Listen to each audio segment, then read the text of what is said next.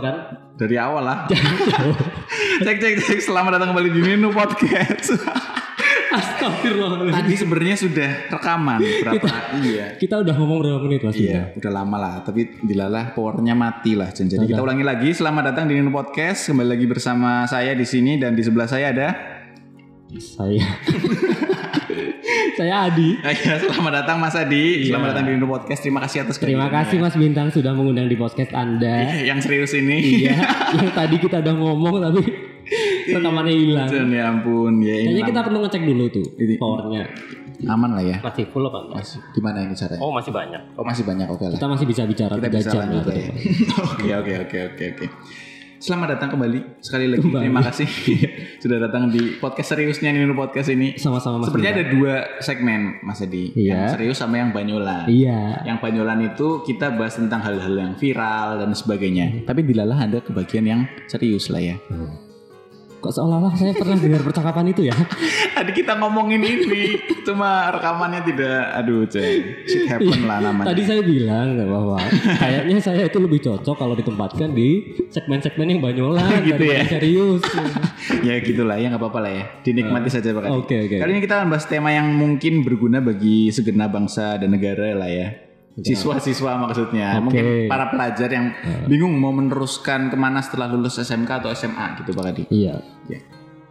Latar belakang, Latar belakang apa sih? pendidikan. bentar, bentar, bentar, bentar. Kayaknya nggak. Nah, yang ulangi tadi pernah kita bahas sih latar belakang pendidikan. Aduh, aduh. Eh Pak Kadi ini adalah salah satu praktisi akademis atau kita bisa bilang akademisi karena dia berkecimpung di dunia pendidikan dari apa namanya dia aktif dalam kegiatan belajar mengajar serta sekarang menjadi pengajar di salah satu sekolah swasta di Purwokerto. Iya. Iya Pak Kadi. Pak Kadi kalau boleh tahu sih latar belakang pendidikan jenengan itu Latar apa sih? belakang pendidikannya. Gimana? Kalau Gimana? kuliah saya Kepo punya nih. S1 di UNY Yogyakarta ya. Yogyakarta. Lalu saya melanjutkan studinya di Oh berarti setelah S1 jenengan lanjut ke strata 2. iya Strata 2 di, di di Malang. Namanya waduh, Universitas Negeri Malang. UM UN UNM. bukan UNM tapi UM. Ini pertanyaan yang sering ini pertanyaan yang sering diajukan kepada alumni UM ya. Soalnya pasti pasti dikiranya UNM UNM, Universitas Negeri Negeri Malang Malang. padahal kalau UM? UNM itu adalah Universitas Negeri Makassar. ini cukup bosan juga bagi kami para Tapi alumni kita saya. sebagai awam nggak tahu. Jangan-jangan UNM bener ternyata Iya. UM aja. ya? Ini pertanyaan yang sering banget itu diucap. Oh, Oke oke. Jadi setelah dari kota pelajar ke kota Sama saja kota pelajar juga di sana. kota apel dong Pak Adi Malang. Iya ya, kota. Saya kok nggak menyadari. Orang-orang itu tahunya Malang itu adalah kota apel. Batu ya, Batu Malang Tapi apel ya. sebenarnya antara Malang dan Batu itu adalah wilayah yang berbeda. Berbeda. Malang itu adalah Dekat nggak sih Pak Adi Malang dengan Batu? kalau Coba dari Malang ke Batu itu sebenarnya kalau lancar itu mungkin sekitar 20 menit sampai. 20 menit sampai. ya. Dan memang Batu itu eh, pernah ke Batu berarti Pak Adi? Tuh, sering ya? dong. Itu emang sebagai tempat wisata atau kawasan wisata atau kota Iya. wisata gitu. Untuk fokus wisata untuk di daerah sana memang lebih difokuskan ke daerah Batu. Batu Malang Kalau gitu ya. Malang ya lebih di perkotaannya. Emang cuma isinya kebun-kebun atau ada yang lain? Nah, di sana Ada ya? Kita kalau ke Batu itu bisa bisa ke Jatim Park, Oh, Jatim satu, dua, tiga, Wah, bisa ada tiga. Edan. sekarang tiga kayaknya. Gak tahu kalau nambah lagi Oh Jatim iya iya iya iya iya. iya. Terus ada musim angkut kita pernah oh tahu tahu dengar kan? dengar pernah ya? yang dengar. kita di sana tempat foto selfie-nya bagus-bagus, kayak suasana di luar kendaraan-kendaraan negeri, gitu ya. kendaraan-kendaraan antik di sana kan ada. Hmm, itu. Oke oke oke oke. Oke, terima kasih dengan Pak Adi ini. Jadi ternyata Pak Adi itu eh, kuliah sampai S2 ngeri sekali ya. Padahal saya kuliah aja S1 6 tahun loh. Saya juga ngeri mas. Oh, mas Bintang satu enam tahun. iya iya 6 tahun. Satu apa SD itu? ya ampun. Dah, kita lupakan itu, udah lupakan itu. Ya. Punya bahasan yang menarik di pada eh, kesempatan kali ini yaitu kuliah atau kerja Pak Adi. Iya, Kebetulan jenengan ini kan apa namanya kuliah sampai S2. iya. Sedangkan saya adalah seseorang yang setelah SMK eh, memilih untuk kerja sambil Iya, kuliah walaupun ya. Jadi Iya, kita eh, mudah-mudahan dengan podcast ini kita akan mengedukasi bahwa eh, lulusan SMK atau SMK tuh bisa memilih dua jalur itu, bahkan bisa digabungkan menjadi satu. Iya. Gitu Pak Kadi. Menurut Pak Kadi, lebih baik kuliah dulu atau kerja dulu? Silakan. Ini pertanyaan yang ini udah mulai serius ya. Boleh serius ya. ya. Ini serius ini karena menyangkut masa depan Iya, orang serius. lain. Oh iya iya benar benar benar juga nih omongan Pak Kadi ya. ya. Silakan. Enggak. Kalau ditanya kuliah dulu atau kerja dulu, Ya tentu saja kalau menurut saya jawabannya ya sesuai kebutuhan masing-masing. Tergantung ya. Iya, ya? tergantung Oke, kebutuhan masing-masing. Kalian itu kebutuhannya apa? Sesuai juga dengan kemampuan juga. Oh, berarti harus apa namanya dari sebelum lulus SMA atau SMK mereka harus sudah memetakan dulu Iya, kemampuan dulu. mereka gitu dan Oh, sebagainya. gitu. Kemampuannya mereka, terus visi mereka mereka ke depan itu mau seperti apa? Baru setelah itu mereka memilih jalur itu. Iya, tentu saja harus dipilih. Dan fase-fase itu yang menurut saya itu paling penting. Oh, Fase SMA hampir lulus, SMA, SMK gitu hampir lulus. kenapa? Mereka itu adalah orang-orang yang harus mendapatkan banyak masukan dari orang-orang lain. Dari Oh, guru. BK, dari guru-guru yang lain, dari wali kelas, dari orang tua, dari teman-teman, dari kakaknya.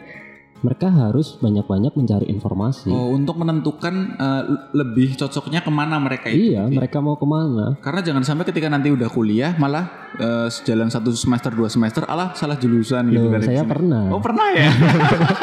Gimana saya ceritanya praktisi. Makan yang cocok Jadi ya? saya memberitahu bukan bukan berdasarkan teori karena itu apa apa yang pernah saya alami. Fakta ya. Pengalaman lah ya. Pengalaman saya saya juga pernah salah jurusan. Pernah salah itu. jurusan. Terus apa yang Saya merasa salah jurusan, saya merasa salah. Karena waktu itu saya memilih ya trennya waktu itu pada waktu itu saya tidak tidak ak- tidak aktif dan juga kebetulan juga tidak banyak yang memberi masukan ke saya tentang apa yang akan Pak tentang apa yang ba- baiknya diambil ke depannya dengan model yang sekarang kamu miliki. Oh, Oke oke oke Ya. oke oke. Jadi saya hanya melihat oh waktu itu trennya lagi Ikut-ngikut ke ya sana. berarti ya. Oke, saya ikut ke sana aja. Gitu. Saya ikut. Ikut ngikut-ngikut berarti ya Oh, berarti. Tahu nggak jurusan saya? Sekarang saya kan mengajarnya bahasa Indonesia. Oke. Sebelumnya kira-kira apa pas saya jurusan? Ah, Silakan tebak Mas Bintang. bahasa Jawa bukan ya? Oh. PKN Oh. PKN. saya kasih satu kesempatan Iya lagi. iya apa? Hmm, matematika. Oke, ini kesempatan terakhir ya. ya. Iya iya iya. Saya dulu pernah belajar fisika. Aduh, melencengnya jauh ya. Ini nggak cocoknya gara-gara nggak tahu nggak nggak males males ngapalin rumus atau gimana ini? Nah, secara akademik saya bisa mengikuti. Bisa akademik. Tapi secara kultur, cara perkuliahan itu mungkin yang menurut saya agak kurang cocok dengan Kultur itu maksudnya suasana perlu saya. kuliah, Suasana perkuliahan, atmosfernya di sana Oh beda ya? beda-beda. Saya menemukan sangat berbeda sekali Oh. antara anak yang kuliah di fisika dan eksak eksak. dengan eksak dengan yang kuliah di ilmu sosial. Karakter anaknya beda, pengajarnya beda, pokoknya semuanya Oh jangan-jangan waktu kuliah di eksak banyak sekali yang hitungan ya? Beli gorengan Eh, tiga, beli kupat beli dua gorengan gitu. tiga yang dihitung dua gitu. Jadi itu yang bikin nggak betah mungkin ya Kadil aja. Ya sudah itu adalah masa lalu tapi memang ini adalah pengalaman yang bisa teman-teman Iya. ambil. Maka bahwa seperti tadi yang kita bahas, kita harus tentukan dulu Mm-mm. eh sebenarnya mau ke mana sih minat kita. Bekerja bagus, kuliah juga bagus, dua-duanya bagus. Kita tinggal tinggal lanjut Ade. kita tinggal kita tinggal, tinggal memastikan mendapatkan masukan yang Oh, tepat supaya dari orang-orang sampai lain salah agar jalan kita ya. tidak Ibaratnya sampai gitu lah. salah ya. jalan. Jangan salah batu loncatan ibaratnya Iya. loncat malah kecemplung gitu kan Heeh, ibaratnya dia. Iya, dua-duanya bagus. Jadi memang ini adalah uh, ilmu yang bisa diambil untuk teman-teman bahwa jangan sampai teman-teman uh, salah ambil pijakan ketika setelah nanti lulus SMA atau SMK. Jadi kalau mau kuliah ya tentukanlah dengan apa yang kalian minati dan mereka apa namanya Sesuai passionnya. sesuai passion lah ibaratnya. yang yang yang, yang susah malah gini Mas Mina. Biasanya pertanyaannya yang biasanya ketanya ke saya itu kalau saya pengennya kuliah, Mm-mm. tetapi pada saat mendaftar saya itu tidak keterima di mana-mana. Kebetulan Oh, seperti itu. Atau itu saya tidak terjadi, saya tidak Pak. keterima di jurusan yang saya inginkan. Akhirnya dilemparkan ke jurusan lain gitu ya. Eh, Menurut kita lebih baik kita menunggu satu tahun untuk pendaftaran tahun berikutnya atau Hmm. kita mendaftar di jurusan lain. Nah itu menurut gitu saya ya. pertanyaan yang lebih sulit lagi. Kalau kayak gitu pertanyaannya Wadi, saya Nah, balikan lagi deh ke Kak Wadi. Jawabannya Mas seperti Bintang apa? Gimana? Menurut Mas Bintang gimana kalau kayak gitu? Kalau aku dulu ini Pak Kadi, dulu saya kerja dulu. Terus Oke, setelah ada jadi- undangan perkuliahan baru saya kuliah. Jadi, Jadi saya ini baik- ke Pak Kadi dulu. jadi jadi lebih baik menunggu dulu Mas Bintang. oh menunggu dulu. Enggak, Karena apa? enggak. Tadi menurut jawabannya Mas Bintang sepertinya seperti itu tadi. Kalau saya, kalau misalnya ada di posisi seperti itu ya, kita Hah? ibaratkan saya sebagai orang yang baru lulus lah gitu Iya. kan, dan mengalami posisi yang sama seperti itu. Kalau misalnya saya mengalami kondisi seperti itu, saya akan yang pertama cari jurusan lain yang eh, mungkin bisa dijadikan opsi lain sebagai tujuan saya gitu. Oke, jadi harus punya opsi lain ya. Punya opsi lain harus saya eh, ya gimana sih karena yang namanya menunggu itu menyebalkan ya Mas. Jadi, Wih, daripada so sweet. gitu gitu. Kalau kalau misalnya Pak Adi gimana nih? Kalau misalnya case-nya seperti itu. Case-nya sama seperti jawaban Mas Bintang dan tentu saja kalau harus mempunyai opsi lain, tentunya kita harus kembali lagi ke tahap sebelumnya itu yang tadi kita bahas. Oke. Tahap di mana kita harus mendapatkan input-input dari orang lain yang benar-benar berguna sehingga Hmm. kita nanti tidak hanya memiliki satu arah, tapi kita harus punya plan-plan A, B, C Oke, masuk akal berikutnya. masuk akal. Jadi kita eh, sengaja untuk eh, mencari saran-saran dari orang lain, dari orang Iya. banyak, entah itu guru BK orang Jadi- tua, supaya kita punya banyak referensi gitu. ya. Hmm. Berarti ya, Mas Adi. ya? Kalau diniatkan untuk kuliah, maka siapkan alternatif-alternatif lain, jangan hanya satu opsi saja. Oh benar juga ya daripada kita milih eh, jurusan yang gak jelas kan gitu ya asal kosong asal masuk gitu kan ya biasa Iya. Nanti enam tahun. itu saya Pak Jan. gitu gitu gitu oke cukup bagus teman-teman jadi bisa meng- eh, mengambil banyak apa namanya eh, pengalaman ya dari Pak Adi ini ternyata memang benar-benar dia adalah praktisi akademis Karena praktis pemikirannya. pernah salah jurusan bareng Jan ya ampun Eh, terus iya. Pak Adi ini kan jenengan kan S2 ya S2 Iya. gelarnya berarti master Magister. magister ya Iya. magister. Ini keputusan jenengan sendiri, Pak Kadi sendiri atau keputusan orang lain atau eh, kembali seperti tadi, apakah memang ini adalah masukan dari beberapa saran yang masuk akhirnya jenengan ambil eh, keputusan itu atau gimana? Enggak, kalau untuk keputusan untuk melanjutkan studi ke S2 itu kan berbeda dengan pada saat kita menentukan mau kuliah atau mau kerja. Iya iya, ini Ya, karena tahap ya. selanjutnya ya Pak Kadi. Pada tahap ini kita sudah memiliki kemampuan berpikir yang cukup harusnya. Sudah Pada saat dewasa lulus lah ya. S1 harus sudah dewasa, Ah, sudah iya, bisa menentukan opsi secara mandiri. Iya iya benar benar. Nah, kalaupun meminta saran dari orang lain itu pun hanya bersifat tambahan-tambahan aja. Pendukung lah ya. Nah, Yang yang yang terpenting harus dari diri sendiri. Tapi apa motivasinya bisa sampai kuliah sampai S2? Eh, jujur Mas Bintang, Gini loh Pak Kadi bentar, Ah. saya potong dulu. Saya kuliah sa- S1 aja males banget ya ampun dan kayak ramu-ramu gedungnya pada baik lah jenengan kok sampai S2 itu kepriwe kan? Justru itu Mas Bintang, saya menemukan kenikmatan berkuliah pada saat S1 dulu itu Oke. justru pada saat berapa ya eh, tiga semester terakhir malah Oke. tiga semester terakhir atau empat semester akhir itu saya baru menemukan nikmatnya perkuliahan saya Oh, Gimana? baru di dapat awal-awal enggak baru Di- dapat feel-nya tuh setelah iya akhir-akhir gimana ya gitu. dan ya? di saat menemukan kenikmatan itu rasanya untuk mengakhiri itu rasanya sungguh merupakan keengganan tersendiri Oke, Iya asik kan? ini ya. ini, ini. lagi senang-senangnya untuk mendapatkan ilmu, lagi menemukan hal-hal gitu yang ya. menarik mengenai bidang Iya, yang sudah kita mulai mengulik lebih dalam Hah? gitu ya. kita tahu bidangnya. Oh ini kayaknya udah menarik banget. Mm-mm. Untuk mengakhiri rasanya, oh saya kayaknya belum cukup ini. Asik. Semakin kita belajar, semakin kita malah menyadari bahwa apa yang kita miliki itu sebenarnya nggak ada apa-apanya. asik asik. Seolah-olah itu kita nggak tahu apa-apa. Oh saya kok bodoh banget loh. ini. ini saya merinding loh dengernya. ini kan kita nggak cerita horor. iya. ya. Keputusan sendiri ya lebih Keputusan tepatnya. sendiri. karena pengen lebih mengulik lebih dalam dan mempelajari lebih dari apa yang dipelajari sebelumnya. Iya. Oke oke. secara pribadi saya seperti itu. Pernah bosan nggak? Ayo ini. Bosan pasti semuanya pernah bosan ya. Bosannya karnawan nih. Bahkan kita kalau tiduran terus juga bosan kan lama-lama kan. Pas banget lagi WFH ya. kita makan enak pun terus nanti lama-lama bosan juga. Nah, bener bener. Heeh. Bosannya karena apa biasanya? Bosan ya. ya kita kita kan menjalani hidup kan itu nggak dinamis ya, nggak nggak iya. statis Nggak gitu. statis, statis. Semuanya berubah-ubah. Iya iya iya iya. iya. Semuanya berubah-ubah. Kadang kebosanan itu bisa datang dari orang lain Oke. yang menyebabkan kita bosan kadang juga bisa menyebabkan dari Faktor kita eksternal sendiri ya. ada faktor eksternal ada internal juga Iya iya iya. Nah, itu normal tapi yang Normal penting bagaimana kita mengubah itu jadi eh sesuatu yang kita harus bisa menemukan titik baliknya titik Oke. balik kebosanan Supaya tetap itu. bisa ada di Oh. track itu ya. iya jangan Supaya- sampai kita berlarut-larut di Oh situ iya iya iya bener bener. Iya kan? Kuliah S1 berapa tahun Pak saya empat tahun Empat tahun. Iya. Terus S2 berapa tahun? dua setengah tahun Berarti enam setengah tahun. iya Sama kayak saya S1 dong. Aduh, Jen, ya Mas. Bintang itu kayaknya senang banget dulu ya, enam tahunnya menikmati banget dulu ya. Menikmati banget Mas tadi. Jangan sampai kan Tapi gini gini Mas Bintang.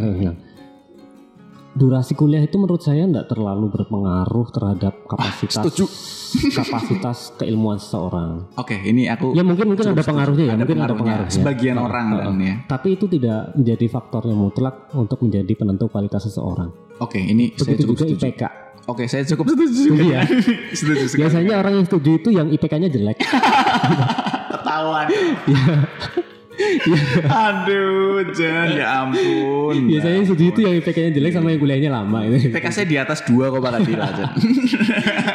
enggak enggak ya ya itu itu saya saya eh, saya berpikiran seperti itu Mas Bintang Iya, iya. bahwa ada orang yang lulusnya cepat tapi ketika dia mau mencari kerja atau membuat Lama gitu ya. kerjaan baru itu lama Oke. ada yang lulusnya lama tapi ketika membuat Eh, ingin mendaftar pekerjaan baru tiba-tiba dia langsung dapat karena berbagai berbagai apa eh, CV yang dia miliki dia pernah pengalaman, ya, skill dan berorganisasi dan lain-lain ya. Oke. Jangan sampai lulusnya lama karena dia diem nggak ngapa-ngapain. Ya kok bola-bali tersindir Nah itu kan bukan anda. Kalau an- kalau Mas Bintang ini kan lulusnya lama, Lulusnya tapi kan lama. dia bekerja. sambil kerja lah ya. Sambil kerja, Masih ada toleransinya ya berarti ya. Ya memang itu bagus. Oke oke oke setuju setuju. Menurut Pak Kadi nih, ini eh, kira-kira eh, dari segi narasumber yang di sini adalah Pak Kadi, Iya. apa sih yang eh, bisa eh, diambil atau apa sih keuntungannya ketika eh, salah satu seorang menempuh jalur kuliah bahkan sampai S2 apa keuntungan yang bisa didapat ketika mereka melakukan hal itu? Oke. Menurut saya keuntungan yang paling besar adalah cara mereka berpikir. Cara mereka berpikir, Hmm. maksudnya untuk menyelesaikan masalah atau gimana nih? Perkuliahan itu bukan hanya persoalan akademik, Oke, bukan hanya kita mempelajari satu hal. Mm-mm. Tapi ketika kita mempelajari satu hal itu, kita berlatih juga cara berpikirnya. Oke. Mas Bintang dulu mengerjakan skripsi kan? Skripsi, Oh. oke. Momen, Nggak oh. beli kan? Enggak, enggak. Enggak.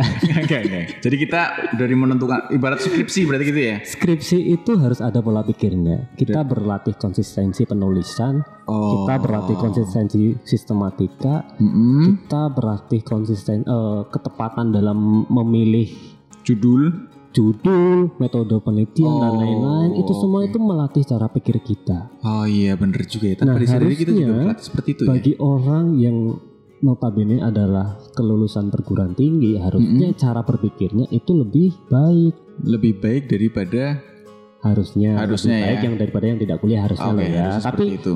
tapi ya ya Untuk sebagian orang seperti itulah ya ibaratnya ya. sebagian besar. Sebagian besar orang seperti itu. Tapi setuju juga ya dari kita menentukan judul, dari kita bimbingan, Iya. timing untuk mengerjakan, terus bagaimana menyelesaikan masalah yang sudah kita cari gitu kan ya. Bahkan skripsi itu yang sulit itu bukan di apa yang mau kita bahas padahal Mm-mm. kadang ada pada diri kita sendiri kan motivasi Iya iya iya. semangat dan lain-lain Kadang udah ketemu judulnya Pak Kadi. Hah? Cuman mau mengerjakan bab satunya aja gitu udah males-malesan ya ampun. Ya udah- itu memang tantangan terberatnya dalam skripsi Itu ya memang tantangan terberat. tapi justru itu yang akan melatih kita semua Iya setuju dengan dengan apa namanya kita kuliah ternyata juga ada untungnya. iya Jangan melulu kita bahwa oh kita langsung kerja nih bisa ini dan ini dan ini ternyata kuliah juga punya hal positif, banyak hal positif. Salah satunya dalam uh, menyelesaikan masalah, terus timing waktu dan apa-apa yang tadi disampaikan oleh Pak Kadi itu itu bisa diterapkan lah ya. Iya mungkin Gitu, bisa diterapkan Bagi yang pengen langsung kuliah, Iya. gitu kan ya. mau kerja juga bagus Mau kerja juga bagus, tidak ada salahnya karena Iya. itu memang kembali lagi ke awal tadi seperti uh, advice-advice yang kalian terima dari uh, entah itu guru BK, entah itu orang tua, entah itu teman-teman, entah itu diri sendiri itu bisa menjadi bahan pertimbangan. iya Gitu Pak Kadi. Gitu Pak Kadi. Apakah ada tambahan? Kalau tanyanya ke saya Iya, saya dong. Ada kan narasumber jadi saya tanya-tanyain gitu. Kalau saya dulu waktu kerja, eh, waktu selalu lulus SMK Pak saya langsung kerja. Oh, kerja sa- gitu? di salah satu eh, kota hmm kota kota besar di Jawa Tengah. iya Saya merantau di situ. Terus waktu itu nggak pengen kuliah Pak Kadi karena sudah oh PT. gitu PT-nya karena PT karena saya daftar SNMPTN nggak pernah keterima.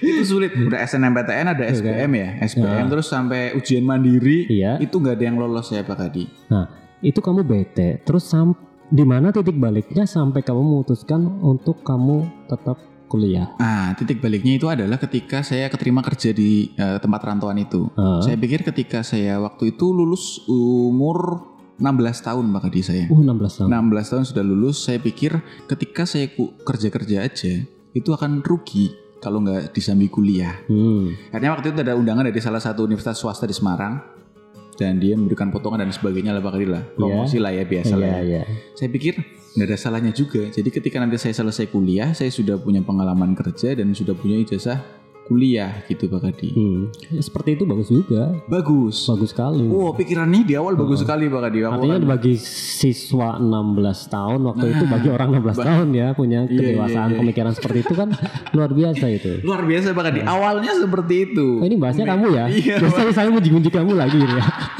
Awalnya seperti itu Pak Kadi. Tapi setelah berjalan ternyata saya kesulitan di membagi waktu antara kerja dan kuliah. Tentu. Sangat sulit sekali untuk membagi waktu antara kerja dan kuliah. Dari pagi sampai sore kita kerja, sore sampai malam kita Iya. kuliah. Hah. Karena waktu itu kuliah saya Senin sampai Jumat, reguler biasa Pak Kadi. Oh gitu. Bukan yang kelas karyawan. Iya. hah. Itu sangat bikin inilah apa namanya capek pikiran dan tenaga. Oke oke oke. Iya, iya. Sekarang gantian saya yang bertanya. Iya gitu iya ya. silakan Pak ditanya saya. Ya kan ini jadi podcast Iya, saya iya. gitu. Ini Iya iya. permasalahan yang kamu sebutkan tadi itu dialami sebagian orang yang hampir semua orang yang memutuskan kuliah sambil bekerja. Oke. Ya. Mm-mm. Nah, lalu bagaimana waktu itu kamu untuk mengatasi problema semacam itu? Waktu itu saya masih berpikiran bahwa saya kerja untuk biaya kuliah. Tapi di sisi Oh, lain ketika gitu. saya kuliah, saya banyak mangkirnya.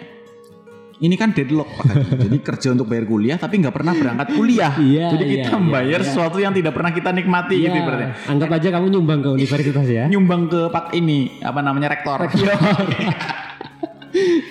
tapi akhirnya sadar waktu itu bahwa ketika sudah semester 4 pun saya pernah sempat mangkir Pak Kadi dua semester. Dua semester. Dua semester saya mangkir karena Mang- mangkir dalam artian cuti atau bagaimana mas? Kalau cuti kan kita ada izinnya ya. Iya. Ini kita bener-bener mangkir. Berarti kamu benar-benar mangkir, tetapi kamu tetap membayar biaya kuliah. Iya, membayar biaya kuliah waktu itu. Kamu ikhlas? Ya gimana lagi gitu kan. saya mikirnya waktu itu gara-gara dipindah divisi kerja lah ya. Ini masalah kerjaan sih ya. Oh, Karena saya iya. posisinya ngerantau dan ngapa-ngapain sendiri Pak Kadi. Jadi akhirnya saya mangkir dua semester dan tersadar bahwa aduh kalau misalnya sampai lima tahun enam tahun saya nggak wisuda, percuma dong saya eh, sampai dari dulu sampai sekarang tuh menghabiskan waktu untuk kuliah. Ya. Akhirnya saya. Untungnya Untung bagi Mas Bintang itu menemukan titik balik yang ke arah positif. untungnya. Hmm. Karena tidak banyak juga, Tidak sedikit juga. tidak banyak Mas. Oh, iya, iya, Kalau tidak sedikit berarti banyak. Iya, iya, iya. Saya mau menyebutkan yang sedikit-sedikit Iya, iya, aja. iya, iya, Iya. Ada orang-orang yang beberapa saya kenal itu mereka berhenti Kuliah di tahap akhir, malah eh, memberatkan kerjanya ya. memberatkan aktivitas yang lain selain perkuliahan, entah itu bekerja Oh. atau berorganisasi. Oke, jadi dia mengorbankan kuliahnya ya. Iya, Iya, justru malah Dia- yang penting dikorbankan. ada yang beranggapan seperti ini. Kuliah itu yang penting adalah ilmunya, Oke.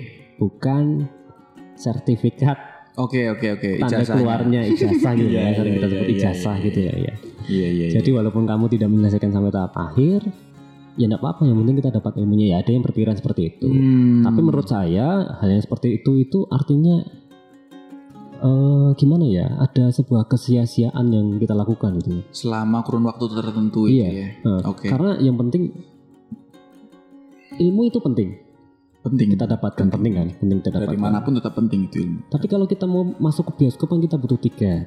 Oh. Kita butuh beli tiket. Iya, iya. Iya kan? Iya, iya, iya. Nah, Parkir pun pakai tiket sekarang, iya. Anggap aja ijazah itu adalah sebuah tiket Hmm. untuk kita mendaftar kerja. atau Masuk akal analogi kerja. dari Pak Adi ini ya. Iya benar, kan? benar, benar, benar. Jadi itu adalah tiketnya. Kalau kita nggak memiliki tiket itu, kita nggak bisa masuk ke bioskop dong. kita nggak masuk bisa masuk ke bioskop. Mungkin kita bisa nonton film online gitu ya, offline Iya, gitu iya, ya. iya. iya. Di rumah aja nonton Iya, film iya. ilegal. Tapi gitu. tidak semua bisa melakukan itu. Iya. Iya, itu. Lebih mudah kalau kita punya tiketnya. Kalau kita punya tiketnya, Gitu. benar dalam melawan hal itu. Ya, jadi Iya. kayak gitu Pak Adi. Akhirnya saya sadar lah dengan eh, dengan perkuliahan saya bahwa harus selesai nih titik Ya akhirnya selesai. Luar selesai selama enam tahun. Terus pekerjaannya gimana itu?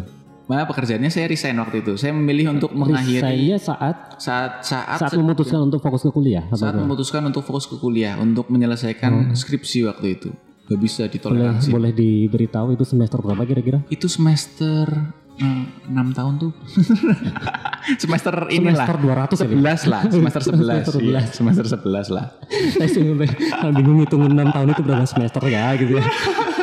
Semester 11 saya mulai sadar akhirnya saya resign waktu itu mengorbankan kerja nggak apa-apa yang penting kuliah saya selesai. Saya waktu hanya yakin bahwa ketika kuliah saya selesai, saya sudah punya CV dan pengalaman kerja, maka akan lebih mudah untuk Iya. ke depannya. Saya pikirnya ya seperti itu. Dan ternyata gimana? Dan ternyata ya let it flow aja lah Pak Kadi. bahwa waktu itu memang saya setelah kuliah pengennya nganggur dulu karena capek Pak Kadi. Iya, memang. Gitu, gitu. Jadi gini teman-teman, eh, baik itu kuliah ataupun kerja, semuanya sama-sama positif setelah kalian lulus SMK ataupun SMA, semuanya sama-sama bagus, semuanya sama-sama keren lah ya. Jadi itu tergantung bagaimana eh, penentuan kalian di awalnya, entah itu dari segi kebutuhan, segi aspek ekonomi dan sebagainya, saran orang tua atau mandat orang tua, restunya juga harus kalian cari-cari itu antara kerja atau kuliah. Jangan sampai pilihan kalian yang sudah kalian pilih eh, untuk kerja atau kuliah adalah pilihan yang fatal ataupun gagal bisa dikatakan. Nah, tapi itu bisa di apa namanya? bisa ditoleransi dengan bagaimana kalian menjalaninya selama kalian bisa eh, menyelesaikannya gitu Pak Kadi. Iya. Ada tambahan Pak Kadi? Apa Sudah ya? lama sekali ini kita podcastnya sudah 26 menit kayaknya udah 26 terlalu menit. lama lah Saya ya. kira tadi cuma 10 menit loh. Iya, tadi bilangnya cuma 10-15 menit Pak Kadi santai. Belum ketambahan yang udah direkam.